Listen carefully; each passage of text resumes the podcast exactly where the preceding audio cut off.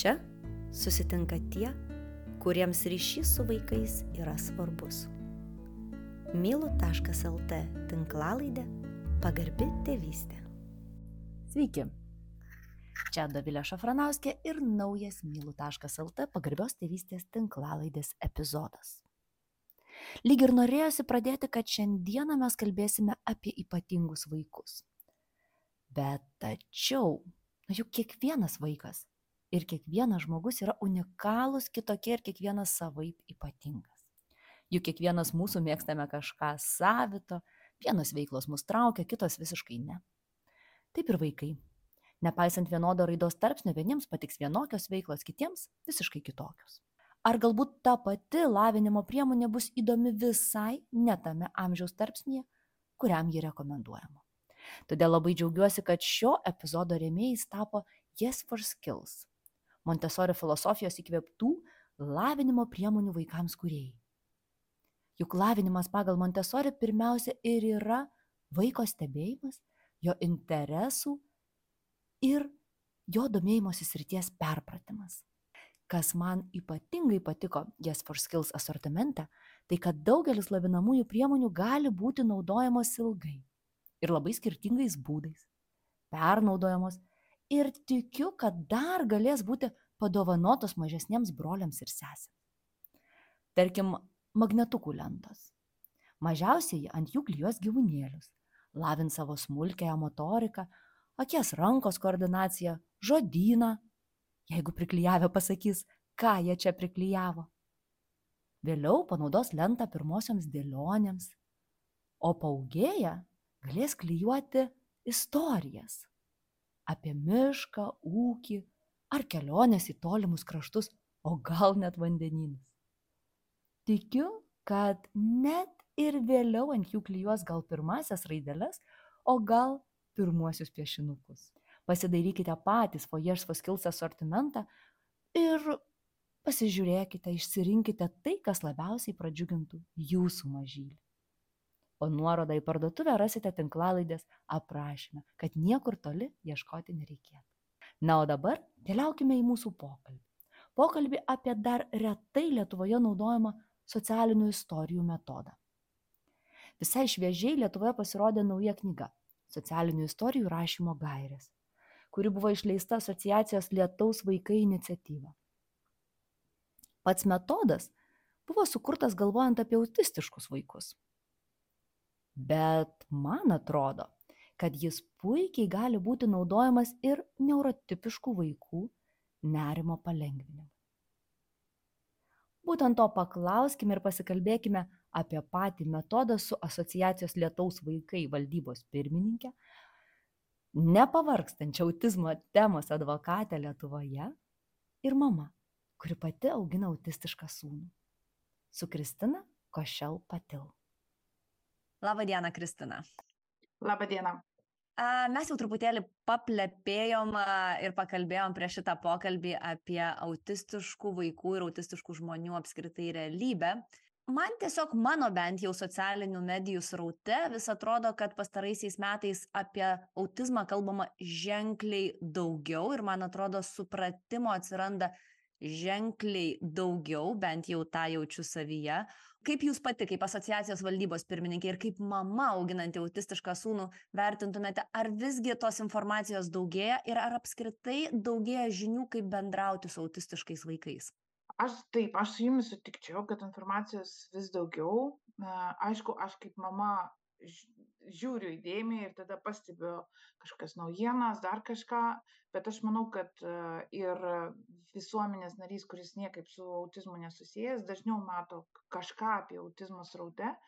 Manau, yra net nemažai priežasčių, kodėl taip vyksta, o pagrindinė laikyčiau tą, kad per paskutinius dešimt metų autistiškų žmonių bendruomenė Lietuvoje užaugo 365 procentais tai dabar mes turim virš penkių tūkstančių diagnozuotų atvejų jeigu mes tą pavirstum kažkaip taip kad būtų taip suprantamai kalba tai am, kas 135 vaikas Lietuvoje turi nustatytą vieną iš autizmo spektro sutrikimų diagnozę.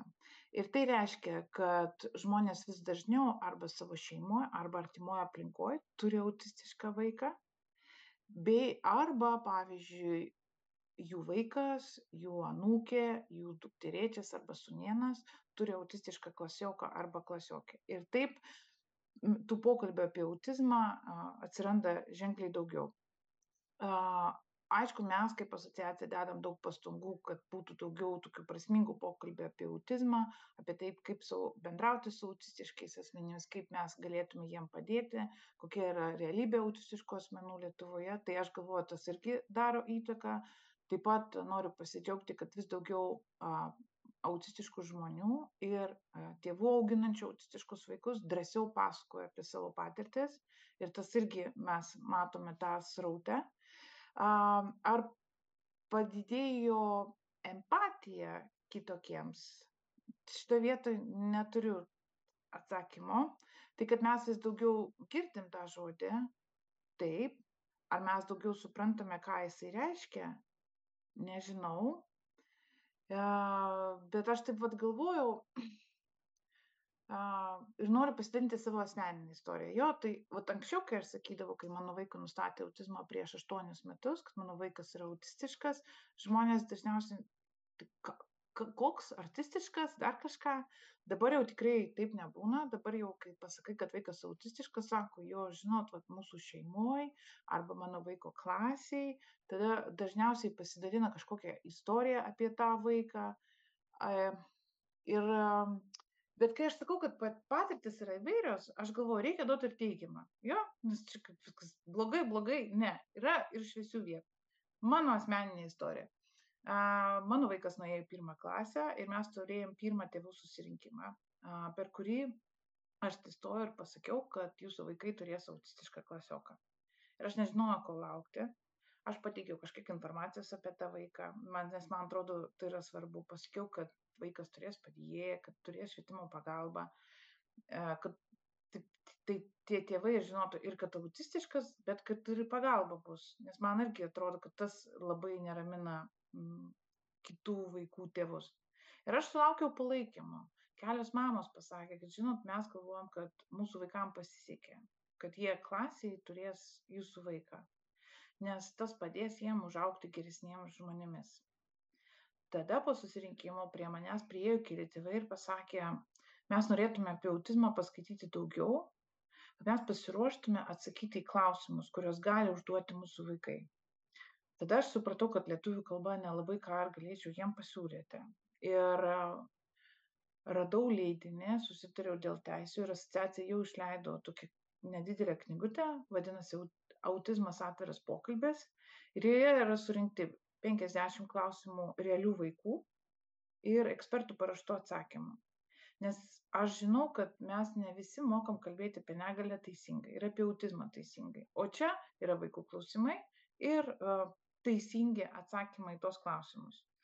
Tai va tokia va patirtis, tai taip sutarsiu, pritarsiu, kad uh, vis daugiau mes kalbam apie autizmą, norėtųsi, kad mes tą darytume kokybiškai ir patirčių yra įvairių ir džiugu, kad galiu pasidalinti teigiamą patirtim. Aš labai, nu, man atrodo, labai būtų svarbu kiekvienoje klasėje turėti tokią knygelę visai nepriklausomai nuo to, ar ten yra autistiškų vaikų ar ne, ir tikrai skirti bent jau, na, bent jau vieną pamoką pakalbėti apie, apie autizmą, apie kas tai yra ir kaip mes galime na, rasti ryšį geriau su autistiškai žmonėmis. Tai čia, man atrodo, visiems vaikam ir jų tėvam beje būtų labai labai naudinga tokia knygelė. Jo, aš galvoju, kad mes labai dažnai kažkaip kaip dedam juos į dėžutės tus vaikus, o jie visi mhm. įvairūs. Ir aš galvoju, kad tas pokalbis gali būti ne tik apie autizmą, bet apie žmonių įvairovę. Kad mes visi skirtingi, mes turim mm, skirtingus stiprybės ir vietas, kur mes galėtume patobulėti.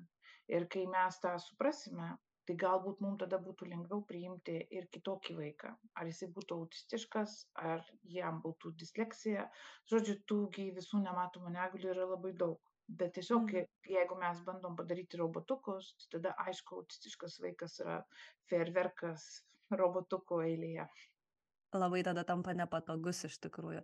A, labai pritariu šitai minčiai, nes iš tikrųjų man atrodo autizmas pats savaime, kadangi tai yra autizmo spektras ir kiekvienas autistiškas vaikas ir kiekvienas autistiškas žmogus yra skirtingas, tai nėra tai, kad na, kažkoks tai kad mes galėtumėm sukategorizuoti, kad, pavyzdžiui, autistiškas vaikas, tai jis bus toks, toks, toks ir toks.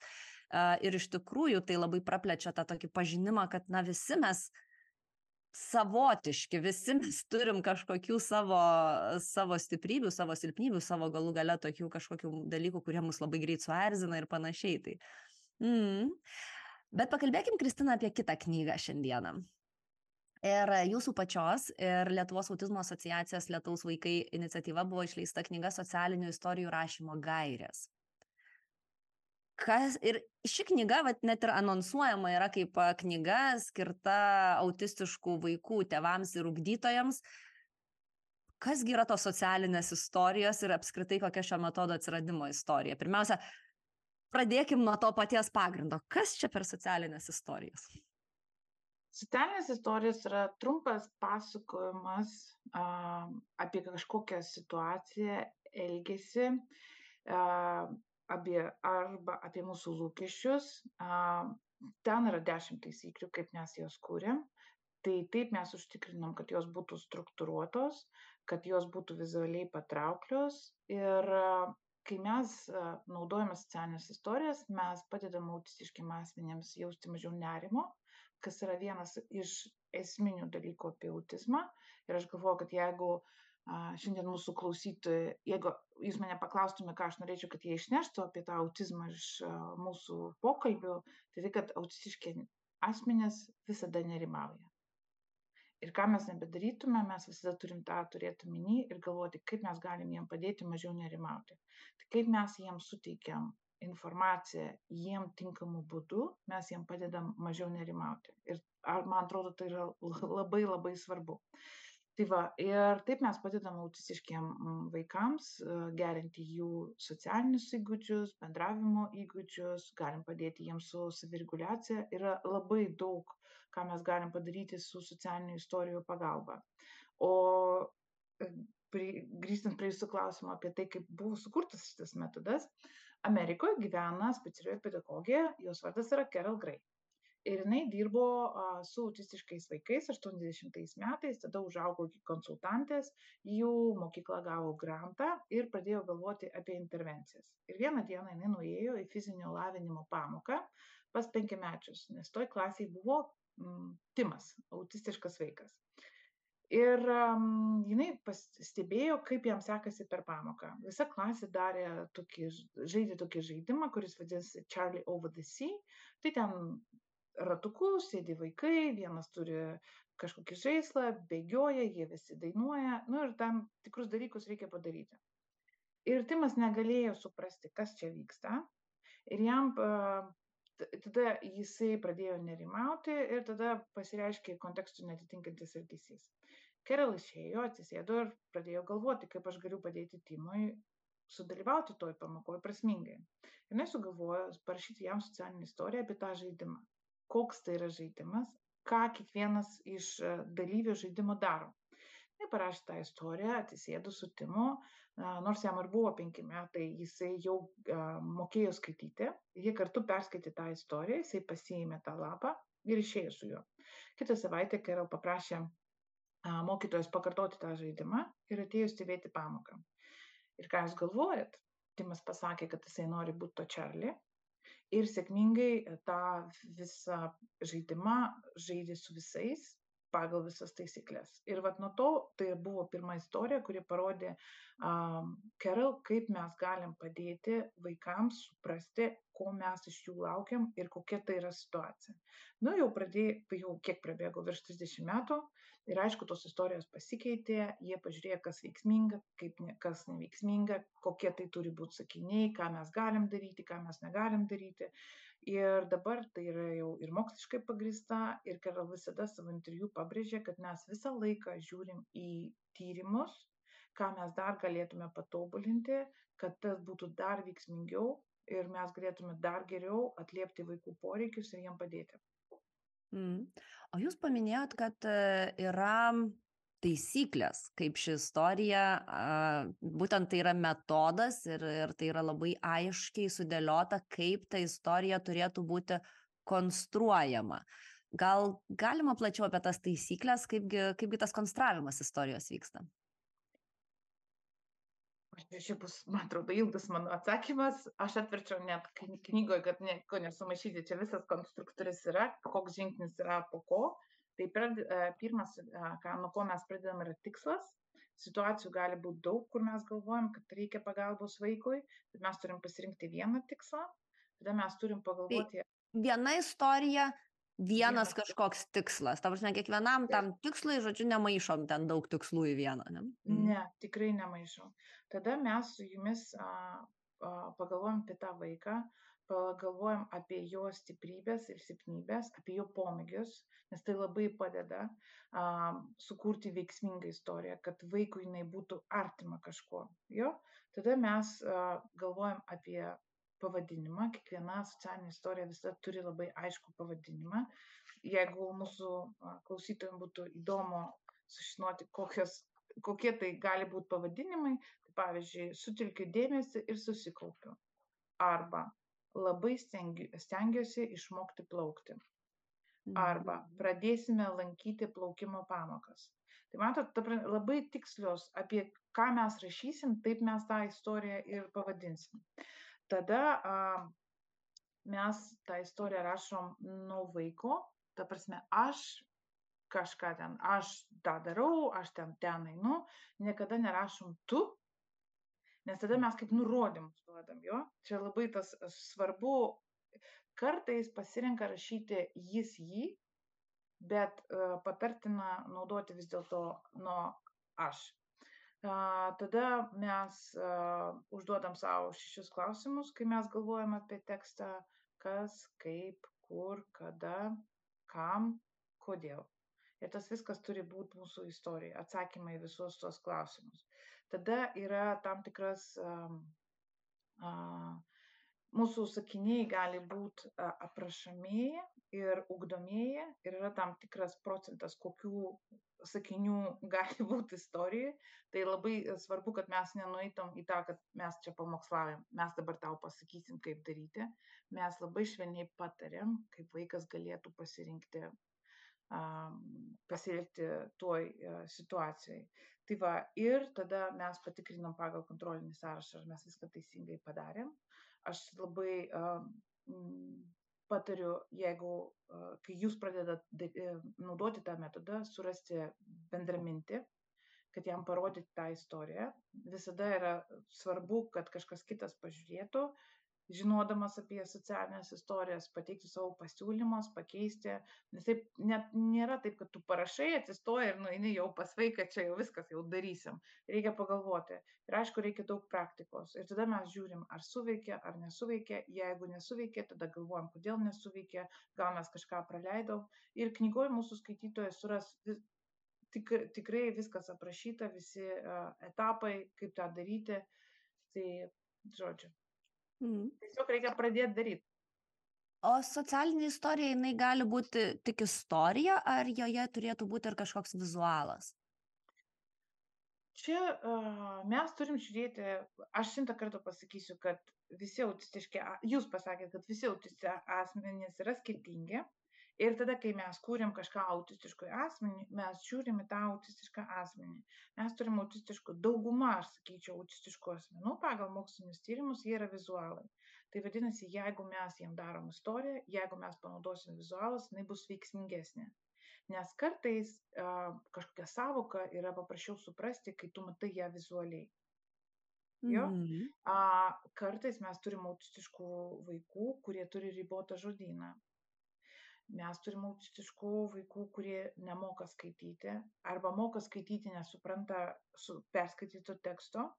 Tada vėlgi mums tos tie paveiksliukai arba iliustracijos padeda perteikti mintį. Bet mes turim autistiškų asmenų, kurie geriau priima ra- raštu informaciją nei paveiksliukų. Tai mes tada atsižvelgdami į tą mūsų žmogų, kurią mes kurim istoriją, mes ilga galvosim. Dar apie ką reikia pagalvoti, kur žmogus galės a, perskaityti tą istoriją. Gali būti situacijų, kai turėt va tokį didžiulį A4 lapą yra nepatogu. Mes norim, kad būtų daugiau taip diskretiška. Tada tikriausiai, jeigu asmo skaito, mes kursim jam istoriją be paveiksliukų. Tai tiesiog žiūrėti žmogų ir, žinant jo stiprybės, silpnybės, padaryti istoriją. Mhm. Um, Kristina, ar būtų įmanoma, aš nežinau, papasakoti galbūt kažkokią trumpą socialinę istoriją, gal iš jūsų praktikos, tam, kad klausytojai geriau suprastų, apie ką mes čia kalbam?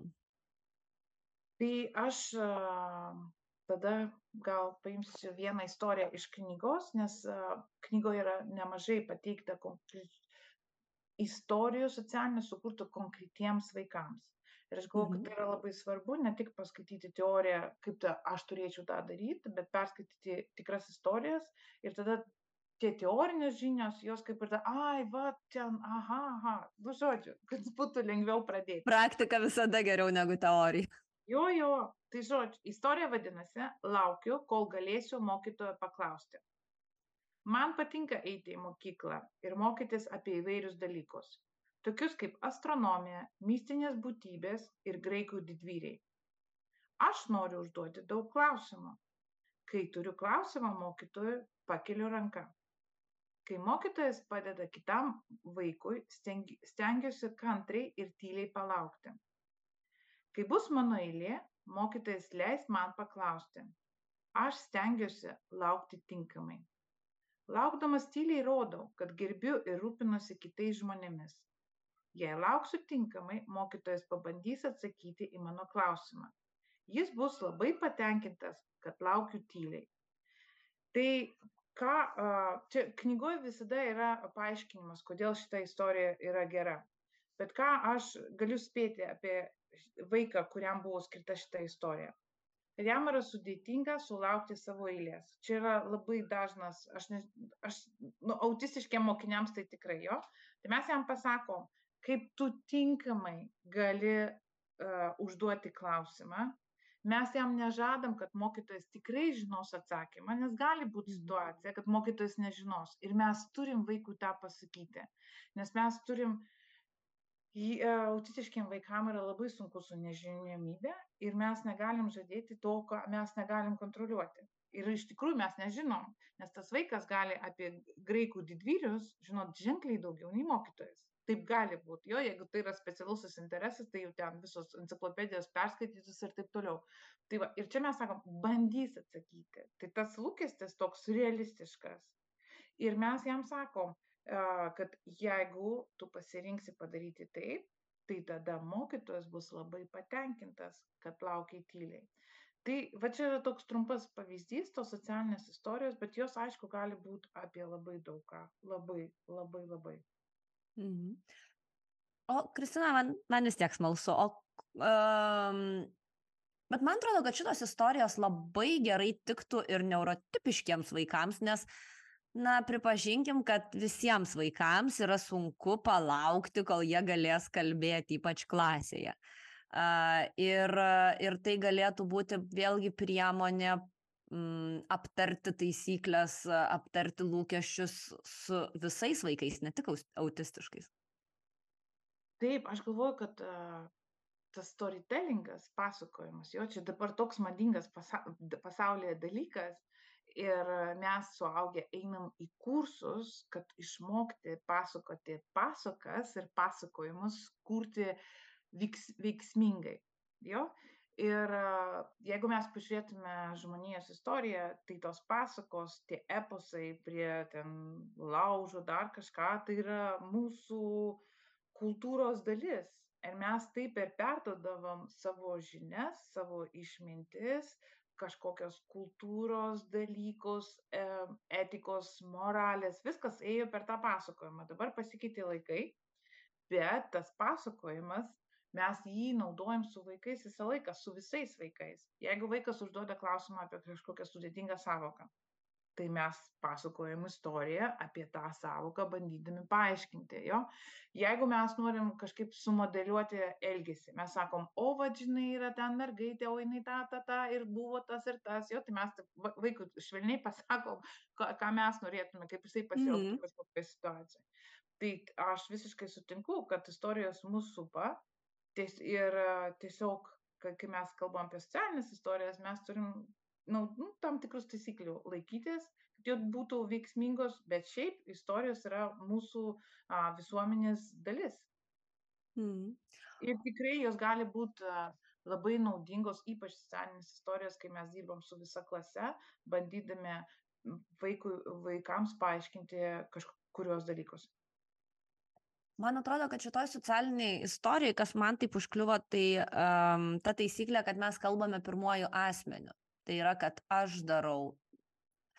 Ir tokia slidi vieta yra kalbant su vaikais, nes mes labai linkę esam pamokslauti ir mes ateiname iš to geriau žinančio pozicijos, kur mes sakom, tu turi elgtis šitaip, šitaip ir šitaip. Tai vad socialinė istorija, tas pirmojo asmens momentas man labai atrodo svarbus, kad tai tarsi vaikas tada gali, iš tikrųjų, matyti save toje situacijoje, kuri, kuri jam iškyla. Jo, Carol Gray sako, kad yra keli socialinio istorijų filosofijos principų ir vienas iš jų nedaryti prielaidų. Mhm. Tai prasme, pripažinti faktą, kad būdami vienoj toj pačioj situacijoj, du žmonės gali tą situaciją matyti skirtingai. Jo? Tada jinai mums sako, kad mes turim pripažinti, kad abi perspektyvos yra teisingos, nėra neteisingos. Ir mes, vat, ką jūs antrino jums, ką jūs pasakėte, kad mes ateinam, kad aš žinau, kaip ne, nežinai, kaip mato tas vaikas, tu nežinai, nu tikrai, nu mesgi ne tas vaikas. Tai mes nežinom kaip jo. Ir mes tada bandom tarsi jo akimis pažiūrėti situaciją. O jis pamato situaciją, nes mes rašom tą istoriją mūsų akimis jo. Tai šitoks gražus, graži simbiozė gali būti ir mes jam padedam suprasti tą pasaulį, kuriame mm. jam gal kyla daug sunkumo, nes jisai nesupranta. Nes dar vienas dalykas apie autistiškus vaikus, kad jie iš oro, kaip, me, kaip dauguma žmonių, negaudo a, a, lūkesčių ir gali atėjus į kambarį nenuskaityti situacijos. Mums bus akivaizdu, kad ten kažkas verkia ir kažkas ten uh, tarsi nu, bando padėti tam žmogui. Jo. Jis gali sakyti, o žinot, aš šiandien va toks laimingas, nes nenuskaitė. Nu, tai, tai tada mes turim padėti jiem uh, kreipti tą dėmesį ir, kad, ir žinoti, ką daryti toje situacijoje. Nes jisai gali ir nežinoti, ką daryti. Mm. Nes e, iš tikrųjų šitas momentas yra labai svarbus, e, turbūt, kad kartais e, autistiškiam žmonėm yra sunku pataikyti tarsi į tą vibraciją, kuri mums savaime mes ateinam ir jaučiam, kad, aha, viskas čia aišku, kad čia šiandien liūdna, čia šiandien linksma, čia... Mm. Jo, tai tas yra, tą aš galvoju, kai sunkumai yra akivaizdus, kai jie yra fiziniai, jo, kai žmogus yra vežimėlį arba žmogus yra su lasdelė, mums tada kaip ir daug maž aišku. Ir tai mes kartais pasakom aklam žmogui, žiūrėk. Visko būna. Nes tai mūsų pasaulis, mums kartais sunku iš jo išlipti. Taip, o, o kai ta, tie sunkumai yra nematomi ir tada mums sunku suprasti, kad tas žmogus gali tą pasaulį patirti kitaip ir aš galvoju kad va tame ir yra tas sunkumas su nematomom negaliom tokiom kaip autizmas ypač kai vaikas pavyzdžiui mm, kalba jo, kai jo ten kognityviniai gebėjimai lenkia bendramžius, mes tada iškart turim vidinį lūkestį, kad ir socialiniai dalykai turi būti maždaug tokio lygio. Bet gali nebūti. Ir tai nėra to vaiko pasirinkimas nesuprasti. Jisai tiesiog gali nesuprasti. Ir jeigu mes į tą neatsižvelgsim, tai tada mes nu, tai atveriam kelią konfliktams, nesusipratimams ir galbūt e, kontekstų netitinkančių elgesių ir visam kitam. Bet čia mūsų perspektyva neteisinga, nes mes galvojam, kad jisai turėjo suprasti. Mm. Ir iš tikrųjų galbūt pusę dienos suprato, labai didelių pastangų dėka prisitaikė, bet antroji pusė dienos jau nebeužteko tiesiog pastangų prisitaikyti. Taip dažnai sakoma, kad kartais mokykloje yra sudėtingiau, kartais namuose. Ir tarsi vat, vaikas mokykloje iš visų jėgų tam bando atliepti e, mūsų lūkesčius ir dirbti klasėje ir gražiai elgtis ir, ta, ir tada ateina namo ir tada chaosas, nes jam kažkur reikia išleisti tą įtampą, kurią kaupėsi visą dieną. Ir mūsų mokyklos dažnai dėja neturi vietų, kur ta iškrova galėtų būti nu, kur yra vieta tai iškrovai, nusiraminimo kampelė arba erdvė, kuris vaikas nebūtinai autistiškas, nebūtinai. Aš galvoju, kad dabar a, visi vaikai yra įvairūs ir kitiems vaikams irgi gali būti naudinga pabūti ramioje aplinkoje. Bet mūsų mhm. mokyklos didmešiuose yra tokios perpildytos, kad nėra erdvės tam. Ir ta įtampa lieka uh, pas vaiką visą dieną. Mm, iš tikrųjų. Um, apie pačias socialines istorijas, kas jas turėtų kurti, nes jūs jau pasakėt, kad tai turėtų būti žmogus, kuris, kaip suprantu, gerai pažįsta autistišką, autistišką žmogų, nes uh, istorijoje tikrai buvo tokių asmeninių detalių, tai kas vaiko tik interesas yra ir tai, kad vaikas galėtų save atpažinti toje istorijoje, tikriausiai tam tai yra naudojama. Na? Taip, a, aš galvoju, kad geriausia komanda kurti socialinę istoriją yra a, specialistai dirbantys su vaiku, tai gali būti mokytojai, tai gali būti švietimo pagalbos specialistai mokykloje, arba specialistai dienos centre, arba specialistai dienos stacionare ir tėvai. Nes tėvai yra tie žmonės, kurie dažniausiai geriausiai žino vaiką ir tada jų tas indėlis gali būti labai reikšmingas iš kitos pusės mokytojai švietimo pagalbos specialistai arba kiti specialistai dirbantys su autistiškais asmenimis kitose aplinkose jie pažįsta vaiką iš kitos perspektyvos nes namuose aš pavyzdžiui neturiu dvidešimt keturių vaikų tai kaip jisai su dvidešimt keturiais aš nelabai sau įsivaizduoju. Tai va e, ir tai gali kurti visi. Ir aš galvoju kad jeigu pavyzdžiui mokytojai par parašo parodo tėvams ar tėvai parašo parodo mokytojams ir tada jie dirba kartu tai yra geriausias e, dalykas būtų. Ir aišku jeigu įmanoma įtraukti autistišką asmenį pakalbėti su juo apie tą turinį tai taip mes ir paklausti jo nuomonės tai mes tada tą istoriją tikrai padarom jam kas yra Mhm. labai svarbu. Ir tada mes padidinam šansą kad socialinė istorija bus veiksmingesnė. Na gerai, bet mes parašėm socialinę istoriją, turim knygą, atsivertėm pagal visas taisyklės, a, pagal, a, tik, tikrai pagal vaiko pomėgius. O kaip dabar ir atnešam ir sakom, žiūrėk, aš čia parašiau tokį gražų rašinėlį, paskaitom. Kaip, kaip vat jūs iš praktikos, nes taip supratau, kad vis tiek praktikuojat tas, šitą metodą, kaip iš praktikos, kaip prieiti su ta socialinė istorija, kaip ją atnešti vaikui?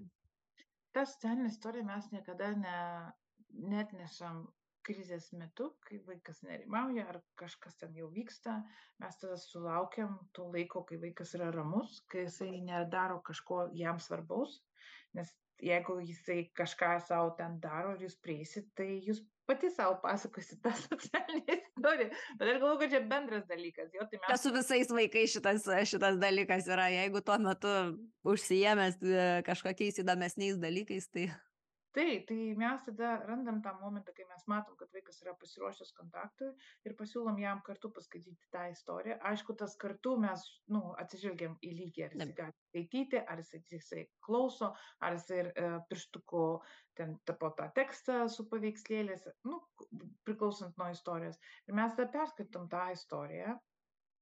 Galbūt vaikas turės kažkokių klausimų, mes su juo pakalbam apie tai ir tada mes grįžtam prie tos istorijos po kažkurio laiko.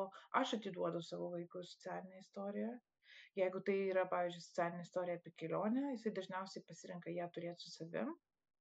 Ir aš matau kaip jisai ištraukia tą socialinę istoriją ir pažiūri kurioj vietoj jisai yra. Ir aš galvoju kad vat čia mes suaugę mes tą planą visą turim nuo namų iki atvykimo taško jo vaikui tas gali būt sudėtinga. Tai taip vat jisai kelionės metu tada pažiūri okei čia mes jau antram aerouoste dar čia biškį palauksim ir jau tada dar vienas liks nu žodžiu tai va ir mes ir jisai gali grįžti prie tos socialinės istorijos ir tiek kartų kiek jam reikia nes tas pa pa pakar pasikartojimas yra svarbus bet kur kai mes kalbam bet kokį įgūdį su bet kokiu vaiku jo pakartoti yra svarbu Tai va, jeigu neveikia, tada mes atsisėdam ir galvojam, kas, ką mes čia galėtume padaryti geriau, kad ta istorija būtų veiksmingesnė vaikui.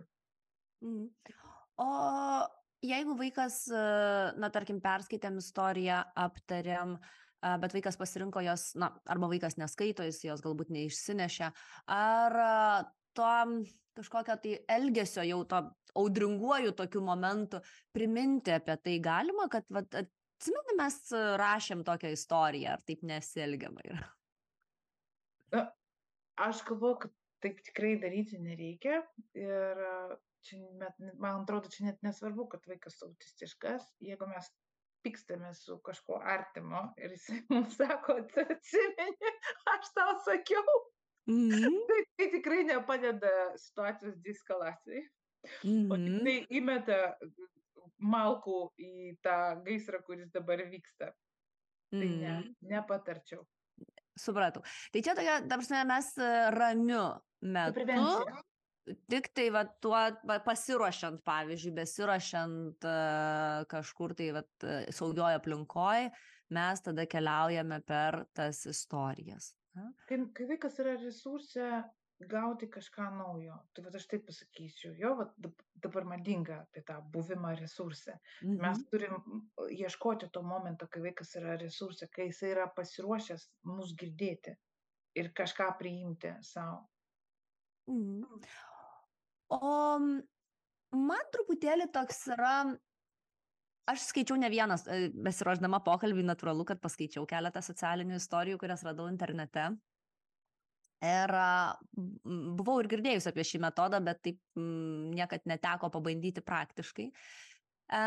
Ir visose socialinėse istorijose man užkliūdavo paskutinis sakinys bet aš tikiu, kad jis turi kažkokį tai paaiškinimą. Tai dažniausiai, va ir jūsų socialinė istorija buvo, kad kai jeigu tu taip elgsiesi, mokytojas bus patenkintas. Jeigu tu taip darysi, va, sakysim, tose istorijose, kur aš skaičiau, buvo uh, mama jausis laiminga, uh, tėtis, uh, tėtis bus geros nuotaikos. Um, ar tas sakinys, kokią jis turi prasme, ar jisai neuždeda vaikui per daug atsakomybės, na tarsi už mūsų suaugusiųjų uh, jautimąsi, buvimą ir, ir, ir savijautą? Galvoju, kad čia yra geras klausimas. Aš nebuvau apie tai susimašius. Dabar, kai jūs uh, uždavėt klausimą, aš prabėgau per kelias istorijas, pažiūrėjau, kaip jos iš tikrųjų baigėsi. Aš galvoju, kad mm, mes visi gyvenam visuomenį mes visi išgyvenam bendruomenėj mes turim lūkesčius jo ir mes nesakom vaikui kad jeigu tu taip nedarysi mama bus nelaiminga visą laiką jo bet mes jam pasakom apie savo lūkestį kad jeigu tu pasirinksi tai padaryti tu padarai aš būsiu laiminga nu mama bus laiminga tai aš galvoju kadangi mes gyvenam taip kad mes galvojam apie kitus žmones jo mhm. ir tai mes taip padedam suprasti mūsų lūkesčius Mhm. Ir tada tų kitų žmonių lūkesčius. Nes mes ruošiam autistišką vaiką gyvenimui, bendruomeniai ir visuomeniai. Mhm. Taip atsakyčiau.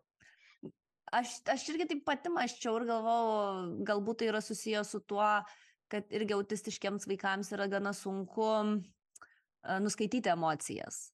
Ir tas pasakymas, galbūt mes tarsi suteikiam, kad, aha, ką tai ką tai duos, ką, ką, ką tai reiškia. Na? Tai vat irgi, bet e, jeigu galvojant apie vat, socialinę istoriją kaip priemonę neurotipiškiam vaikam, šita pabaiga man trupučiuką taip mm, vat, sukėlė klausimą. Aš žinokit, Dovilė, man reikia pagalvoti. Nežinau, galvoju dar noriu ir paskaityti apie tai. Tikriausiai yra paaiškinimas, kodėl mes taip darome. Tai va, ir aš galvoju kad e, jeigu mes kalbam apie neirotipinius vaikus mes galim naudoti tam tikrus elementus o gal nežinau vat dabar norėjau pasakyt kad galim pakeisti galvą tada aš pagalvojau ne jeigu mes kuriam socialinę istoriją mes ją turim daryti pagal taisykles arba ta istorija yra gera istorija bet ne socialinė istorija mm. O jūs dar vat kelis kartus paminėjote, kad um, kartais socialinės istorijos neveikia. E, kaip pat mes žinom, vat, veikia ta istorija ar neveikia, o gal suveikia tik tai 10 procentų, nežinau, vat, kaip įvertinti, ar tai buvo vis dėlto tinkama ta socialinė istorija šiam konkrečiam vaikui ir šiai konkrečiai situacijai. A, nes mes dažniausiai matom pokyčiai elgesį. Tai mes žinom, vat, jūs kai klausit, kaip mes rašom socialinę istoriją, aš paskui mes nustatom tikslą. Tai mes Mhm. savo galvoje, prieš padedant pirmą žodį ant popieriaus, mes jau žinom, kokio pokyčio mes, nu, kaip siekime, jo, kad tas vaikas jaustųsi geriau, ten kažkas, jo. Tai va, ir kai mes pradedam matyti tą pokytį, mes žinom, kad tas istorija suveikia. Kad Mhm. vaikas pasirinka, pavyzdžiui, su a, tą istoriją, kurią aš skaičiau, jo, kad jisai pradėjo bandyti nerėkti iš vietos, o pakelti ranką ir laukti, kol mokytojas atkreips į jį dėmesį. Jeigu mes pradedam matyti tą elgesį, mes suprantame, kad istorija jam suveikia. Ir jisai pasirinko elgtis kitaip. Mm, kad toj, toj situacijai jis tarsi turėjo tą paruoštą elgesio modelį kažkokį tai savo. Mes padedam jam suprasti, koks tas e, šitoj situacijai būtų tinkamas elgesys. Nes jam gali būti tas neakivaizdu. Nes mes vėlgi suprantat, kai mes ateinam mokyklą, jeigu mes nelankim, pavyzdžiui, darželį, nu, ar, kažkaip jo, ir mes nežinome, kad reikia pakelti ranką, kad mokytojas atkreiptų tave dėmesį. Mes žiūrim į kitus ir darom, kaip daro kiti. Autistiškas vaikas gali nesimokyti iš aplinkinių. Jisai gali būti toks, ta aplinka gali jį neįtakoti. Tai ir tada mes turim jam padėti sužinoti ir pasirinkti, kelti ranką, kad, mo, kad tinkamu būdu mokytojas, mokytojui pranešti, kad aš noriu užduoti klausimą arba atsakyti. Mm. O pati istorija, socialinė istorija, ar jinai, jeigu jinai kažkaip ne pagal taisyklės parašyta arba netinkamai parašyta, ar jinai gali būti žalinga kažkaip, tai arba duoti atvirkštinį efektą galbūt kartais. Um, A, aš galvoju, kad jei, tai a, teisingai parašyta istorija negali. Jeigu kažkas vyksta, ko mes nesitikėjom, vadinasi, kad istorija mes parašėme su klaidom, mes turim labai galvoti, pavyzdžiui, šiaip mes labai daug per, neigiam, per, per neigiamus dalykus einam, jo, socialinėse istorijose uždrausta tas dalykas, jo. A, mes turim galvoti, ar mes nesukūrim kažkokių stereotipų. Mes turim, kai mes kūrim tą istoriją, jo, a, mes turim rašyti istoriją apie tą asmenį, a, gerbti jį, būti jautriam tam jausmui, kad, nepa, pavyzdžiui, nepadidinti jo nerimą. Jeigu socialinės istorijos skaitimo rezultatas yra, kad vaikas dar daugiau pradeda nerimauti dėl to dalyko, dėl kurio istorija sukurta. Vadinasi, kažkas to istorijoje yra parašyta, nu, neteisingai. Jo, ir a, mes negalim naudoti tik socialinės istorijas a, kaip vienintelė intervencija, nes tada e, vaikas gali tik, jisai kaip priklausomas tampa nuo socialinių Mhm. istorijų, jo, ir tada tie gal socialiniai įgūdžiai, kurie galėtų atsirasti savarankiškai, nu, jie, jie gali neatsirasti. Nes jisai, va čia parašyta, aš darau, neparašyta, nėra. Nedarau. Nebus. Taip. Ir, tai va, tai galvoju, jo, tiesiog yra labai svarbu taisyti, rašyti, tais, kurti teisingas socialinės istorijas. Mm. Man atrodo, dar svarbi jūsų pastaba, kad tai neturi tapti vieninteliu e, būdu e, pasakoti vaikui apie pasaulį ir apie taisyklės. Nes iš tikrųjų, man atrodo, kad vienoje situacijoje gali labai puikiai pasitarnauti socialinė istorija, bet kažkur kitoje situacijoje galbūt e, daug geriau suveiks kažkoks parodimas arba pademonstravimas arba prabuvimas tos situacijos kartu su vaiku. Tai vėlgi įsivertinti, kur ir kokioj situacijai naudoti socialinės istorijos turbūt taip pat būtų svarbu. Jo, jo, yra ir kitų, yra, pavyzdžiui, comic strip conversations, e, ten piešiam mes kartu su vaiku tą tikrą situaciją, tada pamatom tą e, autistiško žmogaus, kaip jisai tą situaciją. Prasme, yra e, ir kitų e, intervencijų, pasakysiu protingą žodį, yra kitų intervencijų.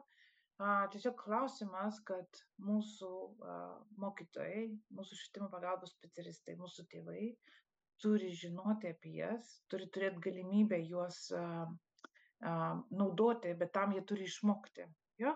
Mm. Ir tada jie pasirinks iš savo mm, lagaminėlio priemonę būtent šitam vaikui. Mm. Tai todėl labai ir džiugu, kad atsirado lietuviškai knyga detaliai aptarianti, kaip parašyti socialinę istoriją. Ten yra a, ir istorijų pavyzdžių. Pat, aš pati tos knygos dar neskaičiau, tad, nes Bet specialiai... labai gerai pasiruošėt pokalbį. Specialiai prieš pokalbį galvojau, neskaitysiu, nes, tad, nes tada labai smalsumą nužudo. Kad galėtumėm pakalbėti tikrai iš to tokio, vat, iš to smalsumo, nes man tikrai smalsus šitas metodas, e, nes manau, kad jisai yra puikiai pritaikomas ir neurotipiškiams vaikams. E, tas vat, storytellingas, kaip jūs ir paminėjot, kad jisai, jisai padeda vaikams tikrai tose situacijose, kurios kelia jiems nerimą. Nes mes tarsi prabėgam per tą situaciją, ta situacija tampa sava ir pažįstama. Tai, tai manau, kad e, šitas metodas tikrai naudotinas. O, Kristina, sakykit pati jūs, kaip dažnai asme tiesiog santykė su savo sūnum naudojate socialinės istorijas? Aš dažniausiai juos naudojau per išvykas, vizitus ir keliones. Mhm. Tada, kada pradėjau ruoštis šitą knygą, nu, rinkausi kokią knygą, tada vertimas, tada, nu, žodžiu, vat, vis, per visus tos darbus aš supratau, kad potencialo yra ženkliai daugiau. Ir dabar kartu su savo drauge bandysiu naudoti šitas socialinės istorijos ir kitiems dalykams. Nes aš pamačiau, kad kiek potencialo turi šis metodas. Tai va. Mhm. Tai tuo pačiu pakviesiu ir kitus tėvus paskaityti knygą, pasirašyti, pabandyti, pradžioj pabandyti tiesiog prisijaukinti socialinės istorijas ir mm, pritaikyti jas savo vaikams, ar tie vaikai būtų autistiški ar neurotipiniai, visiškai nesvarbu, man atrodo, iš to, ką aš girdėjau, tai uh, tikrai nėra tai labai svarbu.